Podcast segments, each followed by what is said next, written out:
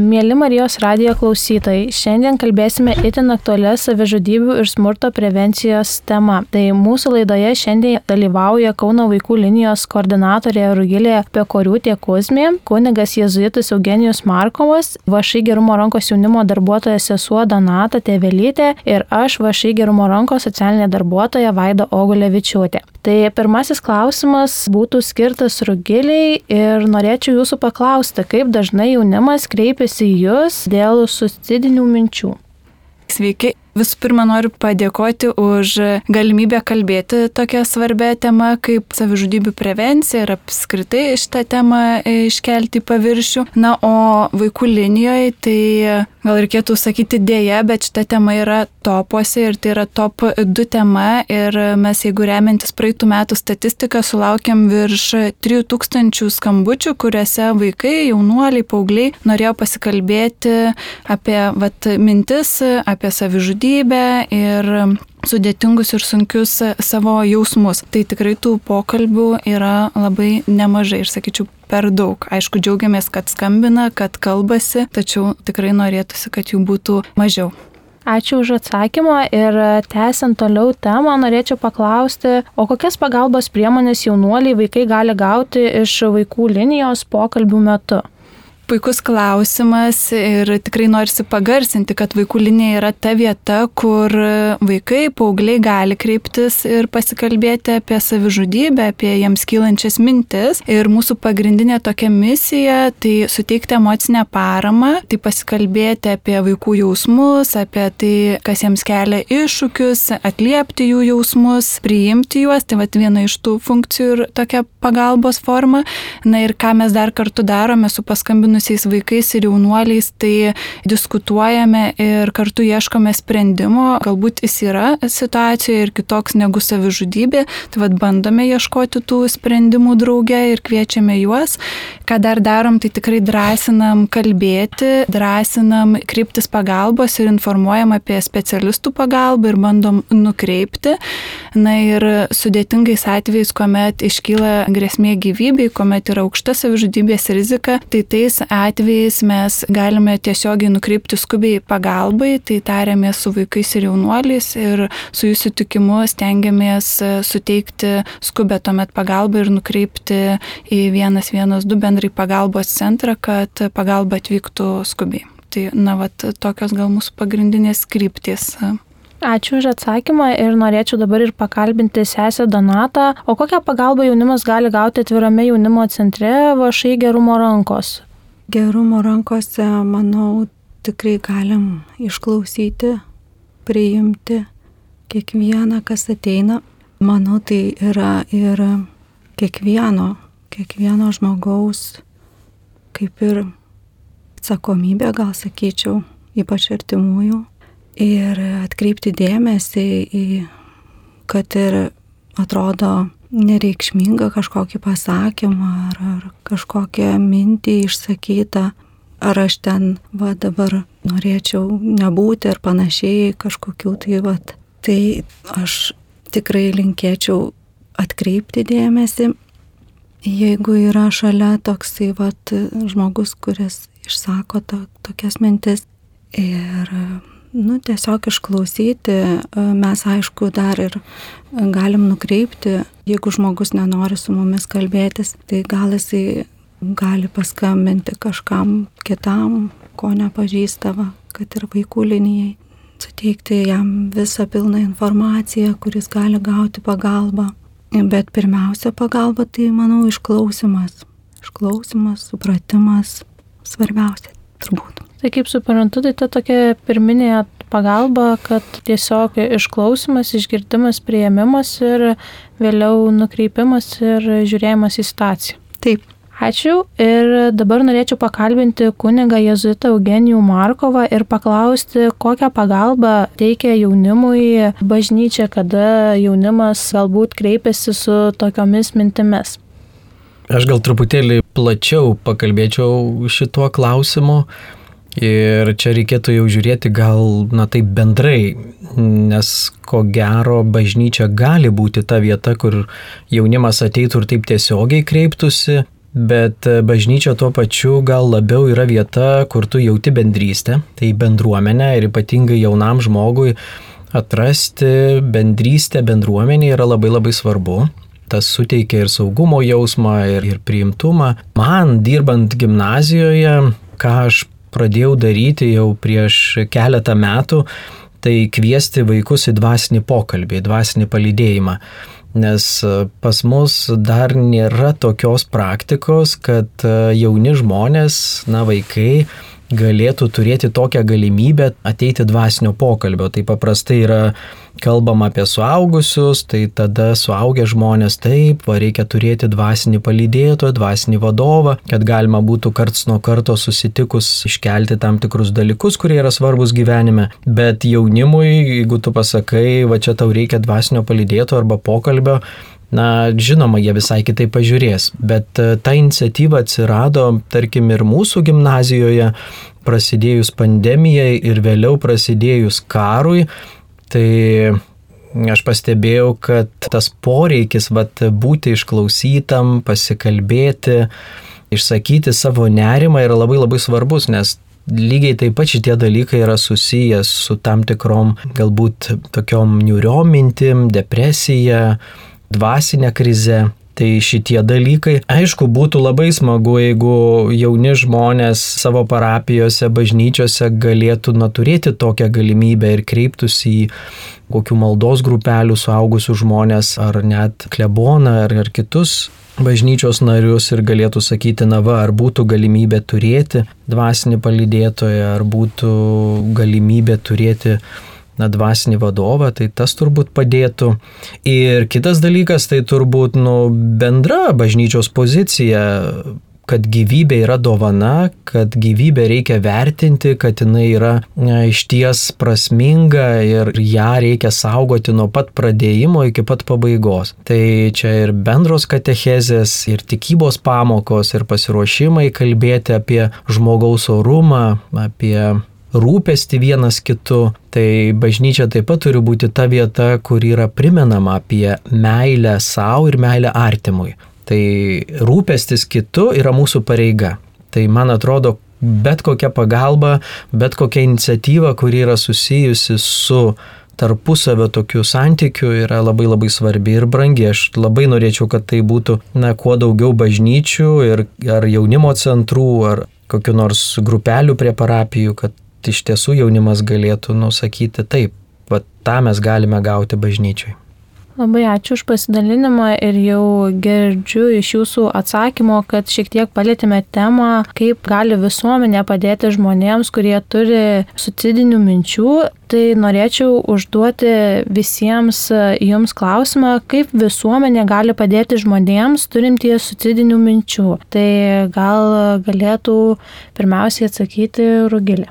Tai aš ir norėjau reaguoti beklausant kunigo Eugenijus, kad jau labai daug buvo pasakyta apie prevenciją ir daug esmės apie tą buvimą šalia ir kito matymą. Tai ką dar galėčiau pridėti apie tai, kad na, mūsų visuomeniai kartais dar šiek tiek trūksta kito pamatymo ir apskritai supratimo, kad psichikos sveikata labai svarbi, kad jinai yra tiek pat svarbi kaip ir fizinė sveikata ir mes tikrai stengiamės, jau stengiamės pasirūpinti savo fiziniais poreikiais, bet ne visada pasirūpinam psichologiniais poreikiais. Ir, na, vat, o tai turėtų tapti norma - pasirūpinti savo psichologiniais poreikiais, kalbėtis apie jausmus, kalbėtis apie savijautą, ar tai su savo artimu, ar tai su bendruomenė, ar va, tai su dvasiniu palidėtoju, kas be būtų ir man atrodo, čia būtų labai svarbi reikšminga tokia prevencinė priemonė bet kokiam psichikos sunkumui. Tai vienas gal toks punktas. Ką dar paminėčiau, tai tikrai mūsų visuomeniai reikėtų stengtis, jau tikrai matomas teigiamas pokytis, bet stengtis vengti mitų ir tokios stigmatizacijos ir pačios savižudybės. Tikrai vis dar dažnai yra vengiamas pats žodis, vengiama kalbėti, vengiama sureaguoti pamačius sudėtingą situaciją daug mitų vis dar sklando, tai tikrai kiekvienas gali prie to prisidėti, gali mažinti tuos mitus, domintis faktais ir panašiai. Tai vat irgi, man atrodo, toks svarbus akcentas, tai tikrai vengti mitų ir tos stigmatizacijos ir kelti tą temą, vat ką ir šiandieną mes apie ką šnekam ir apie ką bus ateinantis renginys, kurio anonsą to išgirsite visai. Ir dar vienas punktas, kurį norėčiau pabrėžti, tai labai svarbu pastebėjus reaguoti. Tai va apie tai, kad būti atidiems jau, o antras, kad pastebėjus reaguoti. Ir vienas iš tokių labai stipriai įsišaknyjusių mitų yra, kad išgirdus, kad žmogus va dalinasi sudėtingais jausmais, kad lyg kalba užuominomis mintis apie savižudybę, neretai nutinka, kad mes atsitraukiame, nedrįstame paklausti, nes manome, kad paklausus, ar žmogus galvoja apie savižudybę, jis ims ir sugalvos apie tą savižudybę. Tai iš tikrųjų taip ir nevyksta, jeigu žmogus negalvoja galvoja apie savižudybę, jis ir nesugalvos apie savižudybę, kad tai jam staiga reikia nusižudyti. Dėl to labai svarbu klausti, nes tiesus paklausimas jisai pakviečia į atvirą pokalbį, jis parodo žmogui, kad kažkas mato jo sunkumus, kažkas turi drąsos išgirsti apie jo sunkumus ir, na, vat, tas kvietimas į pokalbį, saugios aplinkos sukūrimas jau net ir yra pirmas žingsnis į pagalbą, o jau pokalbio metu šnekantis ir tikrai, vat, išgirdus tos sunkumus mes galim galim sureaguoti atjaučiančiai, empatiškai, nenuvertinti žmogaus ar vat vaiko, jaunuolio sunkumų, ką dažnai gal vaikų sunkumai tampa nuvertinami ir sumažinami. Ir tada sekantis žingsnelis tai būtų nukreipti ir palydėti tai jau specifiniai tikslingai pagalbai, tai ar tai parekomenduojant, ar padedant surasti, ar net palydint, aš net ir savo praktikoje konsultuojant vat jaunus žmonės tikrai turiu atveju, kuomet atveda, sako, mane atvedė va draugė, laukia už durų. Ir man atrodo, čia yra puikus pavyzdys, kad va kiek tikrai nedaug užtenka palidėti iki centro, kuriam žmogus ar jaunuolis gali gauti pagalbą. Tai čia jau toks labai konkretus gal, ką kiekvienas gali padaryti, o prieš tai va buvo įvardinta ir tokių bendresnių. Ačiū ir norėčiau paklausti kitų dalyvių, gal norėtumėte kažką papildyti, pridurti, kas nebuvo pasakyta. Aš gal pridurčiau ir pritarčiau, aišku, rugilės minčiai. Iš tiesų, labai dažnai mes nepatikime, kad taip gali atsitikti, nes na, galime ir patys pagalvoti apie savo artimųjų ratą ar pažįstamų žmonių Jei tik tai kažkas tai jaučiasi praščiau, mes labai dažnai atsitraukiam nuo tokių žmonių. Nes, na ir praktika yra tokia, ir tu galvoji, nu va, nieko aš čia bandžiau kažką daryti, liktai čia, nu va, ai, neimki galvą, čia viskas bus gerai, ir dar žmogus dar labiau depresuoja, ir tada tu galvoji, nu nieko aš čia negaliu padėti, čia geriau gal tu atstok nuo manęs. Tai man atrodo, čia būna pirmoji va tokia mūsų klaida, abejingumas. Nes viena vertus, žmogus negali patikėti, kad kažkas tai gali pakelti prieš save ranką. Ar ne, nu, nubaikit, čia juokai viskas vyksta, bet kai tai atsitinka iš tikrųjų, tada tu pajauti ir pamatai. Tai ko gero labai labai nuosekliai, labai galbūt ir neforsuojant savęs, bet tuo pačiu nu pabūti tuo, kuris bando išklausyti, nu, bando būti čia. Aišku, tas pavyzdys, kad ar kažkas paragina, ar atveda, ar, ar tikrai pastebi, na, jau, jau kažkokių tai veiksmų, kurie galėtų kelti mums nerimą, tai žinoma, tada reikėtų imtis ir priemonių, ir, ir kažkokios pagalbos intensyvios, bet kita vertus, na, to buvimo šalia pokalbio, kuris tikrai labai dažnai išgrynina, kas yra tikra, kas yra svarbu. Tai čia reikia ir daug ir kantrybės, ir meilės, ir noro, ir, ir, ir buvimo ko labai dažnai pritrūkstam tikrai kasdienybei. Ypatingai, kai patys dar susidurėm su tam tikru, na, tokiu nuovargiu, pervargimu ir tada tikrai vienas kito net nesugebam pastebėti. Taip, tikrai pritarčiau, kad labai e, dabar yra toks intensyvus laikas, darbai, darbai, polisio nedaug ir dar atrodo, va, kažkam reikia mano laiko, bet vis tiek ir aš dar galėčiau pantrinti, kad kartais ir pats gali atsidurti toje situacijoje, kur nežinai, kas toliau laukia, ištikti gali kokią nors krizę, su kuria nesi pasiruošęs susitvarkyti kažkokią problemą ir mums reikalingas kitas žmogus. Tai va, tai toj situacijoje kitą kartą gali pats atsidurti tu. Tiesiog reikia būti empatiškam labiau gal. išklausyti, suprasti, priimti. Aišku, gana sunku būna, bet galima išrasti to laiko ir gali vienas, netgi vienas žodis galbūt išgelbėt kitam gyvybę. Ačiū už tokius gilius pasidalinimus ir tą išreikštą būtent svarbų dalyką, kad svarbu žmogų su tokiom mintimis pastebėti ir leisti jam pajausti, kad yra šalia žmogus, kuriam rūpia. Ir kitą klausimą norėčiau skirti rugiliai, kaip krizės yra susijusios su jaunuolių vaikų noru pasitraukti iš gyvenimo sudėtingas klausimas, man atrodo. Jeigu klausti, ar krizės gali būti susijusios su, na, vat, vaikų ir jaunuolių pamatymu savižudybės kaip kad išeities, tai tikrai gali. Nes jeigu pažvelgtume, o kas yra ta krizė, tai krizė yra kažkokia sudėtinga gyvenimo situacija, kuomet žmogui, vaikui, jaunuoliui nebeužtenka turimų resursų juos įveikti. Ir ta krizė lydi paprastai sudėtingi jausmai, nerimas, liūdėsys, įvairiausi sudėtingi jausmai, beviltiškumas e, neretai ir tam, kad krizė įveikta būtų, žmogus turi atrasti naujų resursų ir kartais, na, vat, tų resursų nepavyksta atrasti ir kaip išeitis gali būti iš tos kančios matoma savižudybė, nors, na, taip e, tikrai nėra. Tai gali būti susijusios krizės, gali jos paskatinti apie tai mąstyti ir panašiai, bet tai tikrai ne kiekviena krizė veda link savižudybės. Išspręsta sėkmingai krizė tai yra augimo galimybė. Mes kažką galim išmokti ir vat, atrasti naujų resursų, kurių neturėjom. Tai kartais tikrai verta krizę pamatyti ir kaip galimybę, o tuo pačiu, jeigu tai yra tikrai sudėtinga situacija, tai vat, buvo daug paminėta žmonių, kurie galėtų padėti tose krizėse, kad jos nenuvestų link savižudybės. Tai vat, tikrai gali būti susiję. Gal ir kitiem laidos dalyviam teko kada nors susidurti su kažkokia jaunuolio vaiko krize, kuri vat, atėjo jaunuolis ir sako, aš turiu tokių minčių. Man teko susidurti, tai stengiausi išklausyti, padėti ir iš tikrųjų pavyko.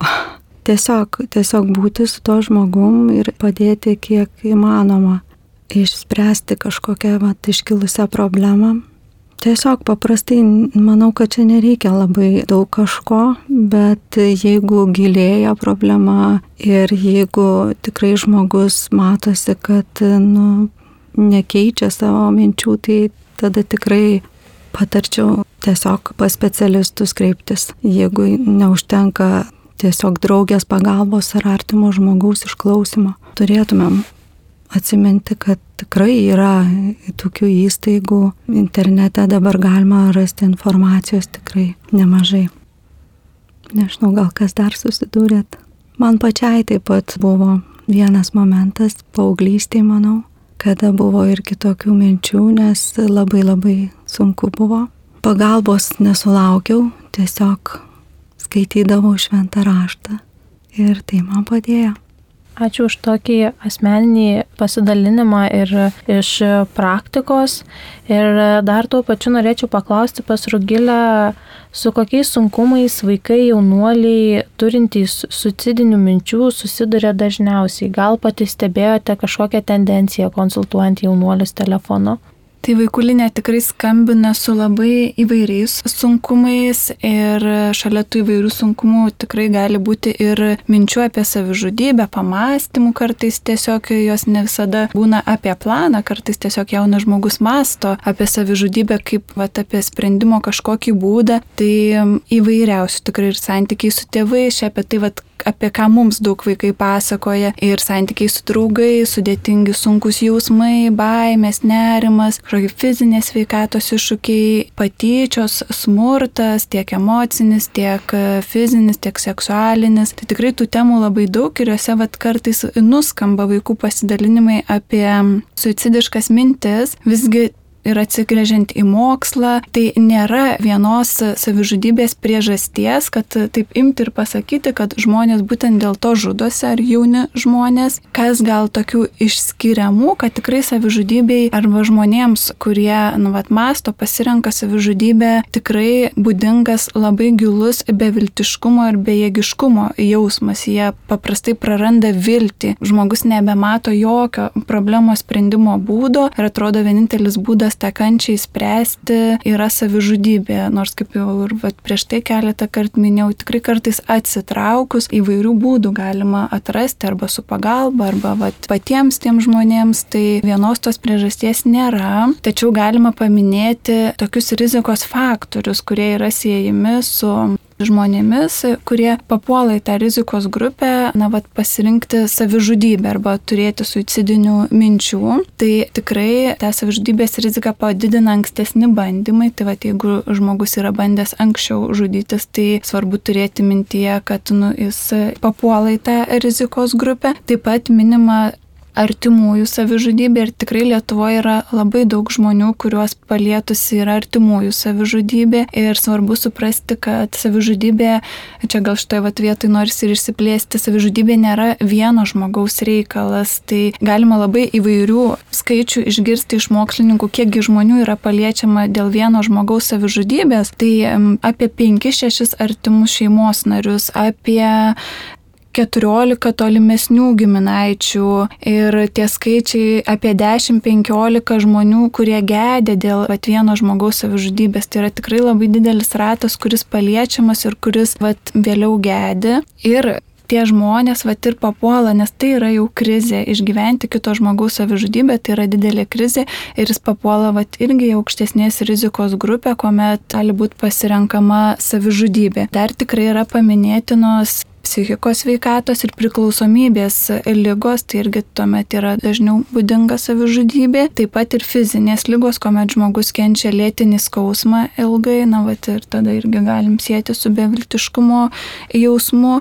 Ir irgi jau ką minėjau, tai visos smurto rūšys yra siejamos irgi toks kaip rizikos veiksnys, mm, na, va, ir tikrai išgyvenami sudėtingi jausmai, ką ir prieš tai beviltiškumas, nerimas, liūdėsys gilus ir panašiai, tai irgi gali būti tokie rizikos veiksniai. Tai, žodžiu, svarbu tą irgi žinoti. Ačiū už pasidalinimą ir norėčiau paklausti kunigo Jėzutė Eugenijaus Markovo, ar jaunimo sielovadoje susidurėte su jaunuoliais turinčiais suicidinių minčių, kaip teikite jiems pagalbą. Galbūt yra kokios nors programos, rekolekcijos skirtos padėti jaunimui atsidūrusiam tokioje situacijoje. Na, aš gal kiek kitaip negu Rugilė, kuri kasdien turbūt susiduria su tokiom temom ir realybė. Negalėčiau pasakyti, kad kasdien susiduriu arba labai dažnai susiduriu, nes tai būtų netiesa. Galbūt jaunimo selovadai daugiau kitų tokiais klausimais diskutuojama yra, bet aš čia norėčiau gal truputėlį rugiliai dar papildyti, nes buvo paminėta, kad iš tiesų, kaip paliečia artimą žmogų savižudybė, tai didelė taip pat dalį tenka, na ir kalties jausmą išgyventi artimiesiems žmonėms, nes jeigu tai yra kitokia mirtis, natūrali mirtis, tai visai kitaip mes ją ir priimama, o savižudybė iš tiesų jinai na, palieka labai gilų pėtsaką. Aš kažkada tai mačiau ir kalbėjau su kažkuo, tai iš tiesų pasižiūrėkime į mūsų šeimas. Tikrai tikrai Lietuvoje šeimos yra. Tai arba paliestos priklausomybės kokios nors, arba paliestos savižudybės, arba emigracijos tai atrastume giminiai tikrai bent vieną žmogų, kuris va iš šitų trijų dalykų būtų su tais. Tai iš tiesų tas darbas labai sudėtingas per savo praktiką teko palydėti keletą asmenų, kurie tikrai buvo gilioje depresijoje arba netgi turėjo keletą minčių apie savižudybę, bet niekada iki tokio gilaus nuo kažkokio tai eskalavimo. Tai tai, tai pasakyti nežinau. Kitas dalykas, kaip ir minėjau, Sielovadoje mokykloje, ypatingai Jėzutų gimnazijose, mes nu didelį dėmesį skiriam tai tokiai psichologiniai būkliai, gerinti psichologiniai vaikų savijautai, net yra ir psichologai, ir kapelionas, tai kviečiame į pokalbius, mokiniai mokomi yra kalbėtis, išreikšti savo jausmus ir ypatingai neslėpti kažkokios tai baimės, nevilties, tai tas labai padeda. Jeigu kalbėti apie programas ir rekolekcijas, tai nežinau, nesu girdėjęs, nebent tai būtų daugiau tokio gal psichologinio arba psichologinės pagalbos savo pobūdžio rekolekcijos arba savaitgalis, kur labai labai konkretus, bet jeigu imtume visas rekolekcijas, Čia ką ir sesė jau minėjo, kad na iš tiesų tas staptelimas, žvilgsnis į santykių su Dievu, į santykių su savo artimaisiais, turbūt, kad ir, irgi būtų nu pagalbos ratas kiekvienam išgyvenančiam ar turinčiam suicidinių minčių. Tai ko gero galime sakyti, na, kad kiekvienos rekolekcijos arba kiekviena bendrystė su savo bendramžiais ar kitais na, galėtų būti pagalba. Tai gal tiek. Ačiū už pasidalinimus. Norėčiau paklausti, gal kažkas dar norėtų į kažką sureaguoti ar pridėti kažkokį atsakymą. Gal man tokia mintis atėjo dalinantis kunigoje Eugenijui, kad iš tikrųjų žmogus turintis tokių minčių ar ne, dažniausiai atsiskiria nuo bendruomenės, kažkur nori būti vienas, užsisklęsti savo tam skausme, ar galbūt galvoja, kad čia mano durnos tos mintys, čia niekas nesupras. Tai va iš tikrųjų ta mintis, kad bendruomenė gali kažkaip padėti, kad vat, pastebėti tą kitą atsiskyrusi tą žmogų, iš tikrųjų labai svarbu, va, tiesiog nepraeit pro šalį, pastebėti jį. Tai gal tiek. Aš gal tada dar pratęsiu, nes sesė Donata pradėjo sakyti lik apie tokius ženklus, o kaip pastebėti, kad žmogus galvoja apie savižudybę. Ir taip supratau, kad ir nenuskambėjo tarsi šitą žinutę, kurią gal visai būtų svarbu pasakyti, nes gal kiekvieno klausančio aplinkoje netikėtai gali pasitaikyti tokia situacija. Tai aš norėčiau paminėti keletą tų ženklų, kurie, nu, va, tokie grėsmingi gali būti ir juos pastebėjus galima pakviesti žmogų ar jauną žmogų ar vaiką pasikalbėti Tai irgi jau šiandieną nuskambėjo apie tai, kad e, tokie žmonės pradeda kalbėti apie mirtį. Mirtis atsiranda jų kalboje, tai irgi galima pastebėti. Tai galima išgirsti pasakymų, kad nebenoriu gyventi, nebematau prasmės gyventi, nieko nenutiktų, jeigu manęs čia nebūtų. Tai va tokios įvairios frazės ir jų variacijos irgi gali mums duoti signalą, kad kažkas to žmogaus gyvenime vyksta.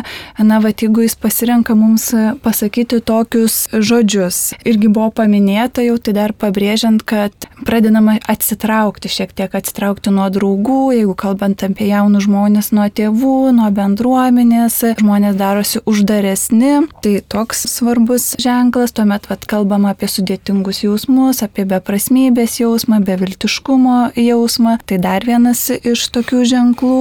Kartais galima pastebėti, kad žmogus tarsi ruošiasi mirčiai, užbaigia visus darbus, nori nelikti niekam skolingas, būti su visais atsiskaitęs, jeigu tai yra suaugę žmonės, pradeda kalbėti apie testamentą, nors tarsi jaunas, sveikas, tai va įvairiausi tokie ženklai, tai jeigu pastebite, tai tikrai drąsinu pakviesti tokį žmogų į pokalbį, nes galbūt tai ir yra ženklas, kurį žmogus šią akimirką gali jums pasiūsti, tik tokį ženklą, kad jam reikia pagalbos. Ir aišku, tikrai būna tokių atvejų, kuomet sudėtingoje situacijoje esantis žmonės tikrai labai saugo tą savo situaciją, nes nedrasu kalbėti, neranda galbūt saugios aplinkos ir tų ženklų labai tikrai nerodo nerodo ir sąmoningai nerodo ir nenori išsiduoti, tai žinoma, tokia atveju nepastebėsim, bet jeigu kažką pastebim, tai tikrai drąsinu kviesti į pokalbį. Ačiū už tokius jautrius pasidalinimus ir šią temą diskutuojame su svečiais neatsitiktinai, nes spalio 30 dieną organizuojamas renginys with Me, kuris vyks Kauno kultūros centre, prasidės pusę keturių Ir šiame renginyje vyks įvairūs pranešimai šią temą, panelinė diskusija, o visą renginį vainikuos Gabrielės Vilkitskytės koncertas. Tai tikrai visus kviečiame atvykti į šį renginį, pasisemti tų žinių, galbūt surasti organizacijas, kurios galėtų padėti ir taip netiesiogiai kreiptis. Tai visus labai kviečiame į šį renginį ir dar norėčiau, kadangi iš atviro jaunimo centro Vašai gerumo rankos, kas ir organizuoja šį renginį, yra atstovas, tai norėčiau paklausti trumpai, gal galit pasidalinti, kaip jums vat, kilo idėja organizuoti šį renginį ir kuo jums šis renginys svarbus asmeniškai ir kaip organizacijai. Net negaliu dabar pasakyti, kam pirmam kilo šita mintis, bet kadangi mes esam komanda, tai visi pritarėm, kad reikia kalbėti šią temą dar prieš tris berots metus tai buvo. Irgi buvo kaip koks iššūkis, toks vos netabų, kad čia viešai kalbėti tokia tema, sudėtinga dar tema iš tikrųjų. Bet pabandėm ir iš tikrųjų gavosi tas renginys toks gana plačiai, plačiai nuskambėjo, labai entuziastingai mūsų jaunimas, kuris lanko mūsų atvirą centrą, jie net spektaklį, žodžiu, sukūrė ir visiems parodė, tai man asmeniškai buvo labai džiugu, kad jie dalyvavo, kad jie prisidėjo ir net savanoriavo tam renginyje. Ir šiais metais taip pat savanoriaus. Man asmeniškai gal tiesiog kaip kadangi dalinausi paauglystėje buvo tokių minčių ir nelabai aš sulaukiau pagalbos, tai džiaugiuosi, kad bent dabar apie tai kalbama ir kiti galės sulaukti galbūt pagalbos ir tie patys artimiausi pastebės galbūt labiau tą jauną žmogų, nes tikrai, kaip supratau, Lietuva pirmaudavo savižudybių skaičiuje. Tai tikėkime, kad toliau nebus pirmaujama šiuo klausimu. Bet kuo, manau, daugiau kalbam, kuo dalinamės ir neslepiam tų jausmų, nesakom, kad čia viskas tvarkoj, tai reiškia yra gerai.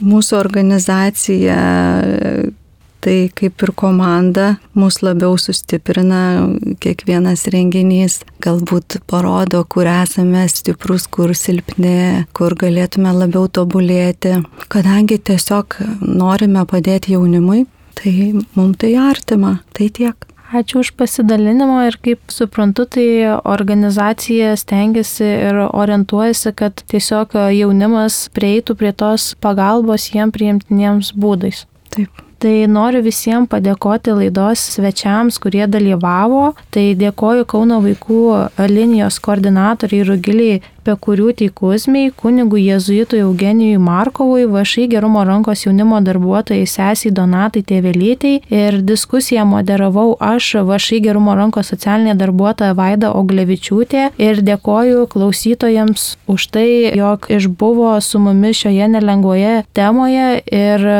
Visus dar kartą kviečiame spalio 30 dieną atvykti į Kauno kultūros centrą ir sudalyvauti renginyje Stay With Me.